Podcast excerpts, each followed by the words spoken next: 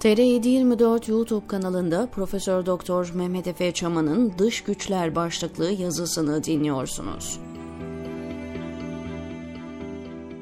Yazdığım bazı yazılarda Türkiye'nin dış politik yönelimini incelerken, Batı yönelimini desteklediğim ve Avrasyacı, Orta Doğucu yönelimi eleştirdiğim için bazı okurların eleştiri oklarına maruz kalıyorum.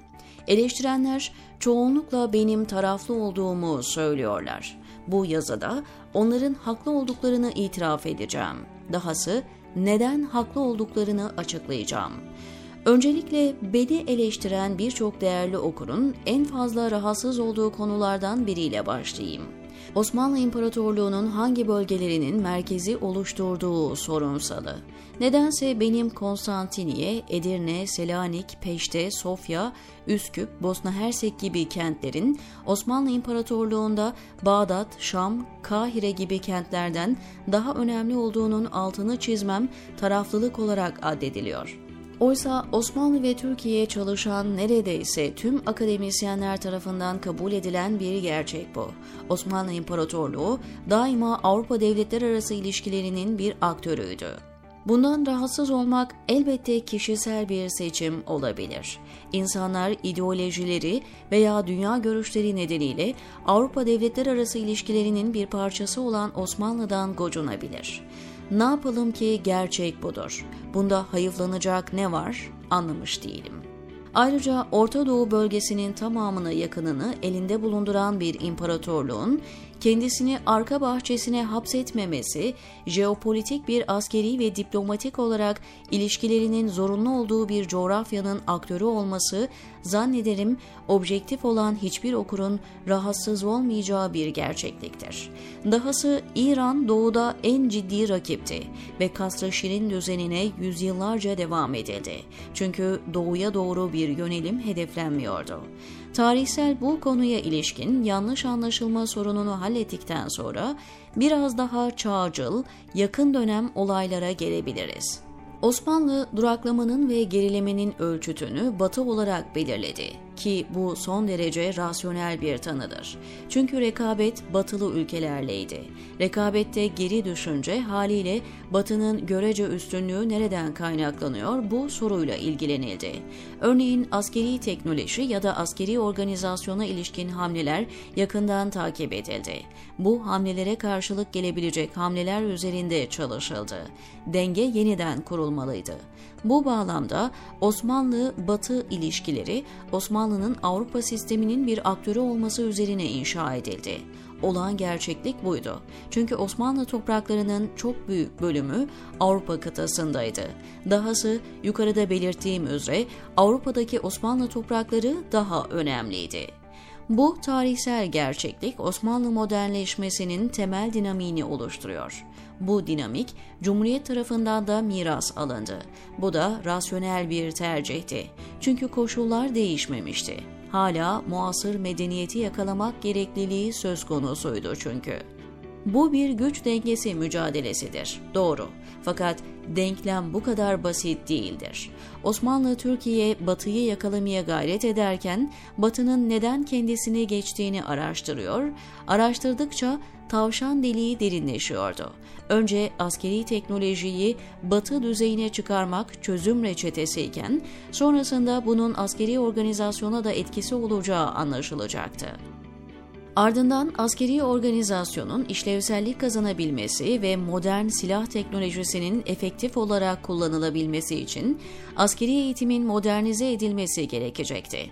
Bunun üzerine batıdan askeri eğitmenler getirilecek, bunlar askeri okullarda öğrenci yetiştirecekti. Böylelikle askeri öğrencilerin batı dillerini öğrenmeleri lazım olacaktı. Dahası orta öğretimde verilen doğa bilimleri ve matematik derslerinin yetersizliği ortaya çıkacak, bundan dolayı modern liselerin kuruluşuna giden yol açılacaktı. Bu bilim ve teknoloji ithali ister istemez sivil eğitimi de etkisi altına alacaktı. Müzikten kılık kıyafete, askeri rütbelerden yükselme ölçütlerine, ordunun profesyonelleşmesinden, askeri işbirliklerine, bilimsel ve teknolojik arka planın yerleşmesinden, edebiyat ve sosyoloji gibi alanlara dek derin ve kapsayıcı dönüşümler gerçekleşecekti. Cin şişeden çıkmıştı. Cumhuriyet kurulduktan hemen sonra Birinci Dünya Savaşı'nda ve Kurtuluş Savaşı'nda karşı tarafta olan ülkelerle derin işbirliklerinin temelleri atılacaktı. Türkiye Cumhuriyeti, Batı'da 1648'de gerçekleşen teritoryal devlet ve bunun 1789 Fransız devrimi sonrasında giderek teritoryal ulus devlete evrilmesi nedeniyle batılı siyasi düşüncelere ve yeni aidiyetlere yelken açacaktı. Balkan Savaşları ve Birinci Dünya Savaşı sonrasında dinin toplumsal tutkal olmadığının acı bir şekilde tecrübe edilmesinden itibaren Osmanlı karar alıcıları ulus aidiyetini esas alan bir kimliğe yönelmişlerdi. Bu da yeni devletçe tümüyle devralındı. Yani Atatürk ve silah arkadaşları bir gece ulus devleti rüyalarında görüp ertesi gün ulus devlet kurmaya kalkmadılar. Bu da Osmanlı-Türkiye tarihsel düzleminde gerçekleşti. Bu olurken sadece fiziksel bazda bir miras değildi söz konusu olan. Aynı zamanda mesela Ermeni-Rum soykırımı ve yeknesak bir ulus yaratma düşüncesi de Cumhuriyet'in kurucuları tarafından ittihatçılardan miras alındı. Tüm bu süreçler tümüyle Batı ile etkileşim sonucu ortaya çıkan olgulardır. Soğuk Savaş sonrasında ortaya çıkan küresel sisteme Türkiye bu nedenle batılı bir aktör olarak katıldı. Küresel sistemin taraftarlarını dini veya mahalli aidiyetler değil, küresel ideolojik konstelasyon belirledi.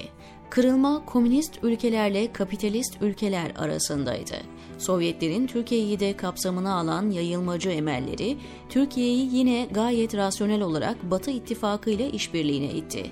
Bunu bir teslimiyet veya sömürü ilişkisi olarak algılayan kafa maalesef İslamcılar ve sosyalistlerdir ve hakiki durumu ya ideolojik körlükten ya da ideolojik motifli manipülasyon motivasyonundan dolayı ıskalamaktadır. Gerçek şu ki jeopolitik, jeopolitiktir. Adı üstünde, coğrafya ile politik tercihlerin bir kombinasyonundan oluşur. Bundan gocunan varsa ortada ya bir bilgisizlik ya da ideolojik göz kamaşması vardır.'' Kibar ifade etmeye çalıştım. Esasında bağışlayın ama buna ez cümle aptallık demek gerekir. Türkiye'de son 250 yılın ana yönünün batı olmasını özetleyecek bir yazı yazmak bu sınırlı ebattaki gazete makalesinin kapsamını oldukça aşar. Bu nedenle daha derine girmeden konuyu günümüze getirmek istiyorum. Bugün Türkiye'nin başında olan ekip farklı gayeler ve öncelikler sıralamasıyla ülkeyi farklı bir yönelime soktular. Türkiye Avrupa Konseyi kurucu üyesi, NATO üyesi, Avrupa Birliği üye adayı, Avrupa Birliği ile Gümrük Birliği üzerinden ekonomisini Avrupa'ya entegre etmiş bir ülke olarak dünya siyasetinde, ekonomisinde ve jeopolitiğinde belli bir yere sahipken bugün bu yeri hızla yitirdiğini gözlemliyorum. Bunun elbette birçok iç nedeni var. Bu iç dinamiklerin iki temel belirleyicisinin altını çizmek isterim. Çünkü daha derine girmek yine yazının kapsamı bakımından mümkün görünmüyor. Bunlardan birincisi İslamcı AKP ve yöneticilerinin yolsuzluklara batmış olmaları ve 17 Aralık 2013'te suçüstü yakalanmalarıdır. Bunun neden olduğu depremden sonra AKP Kürt açılımını ve AB ilişkilerini sonlandırmak durumunda kaldı.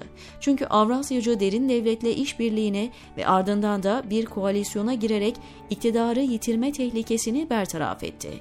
İkinci neden Avrasyacı derin yapıların Batı ile olan ilişkileri sonlandırma iradesidir ki bunun gerekçesi AKP'ninki gibi bencil nedenler değildir.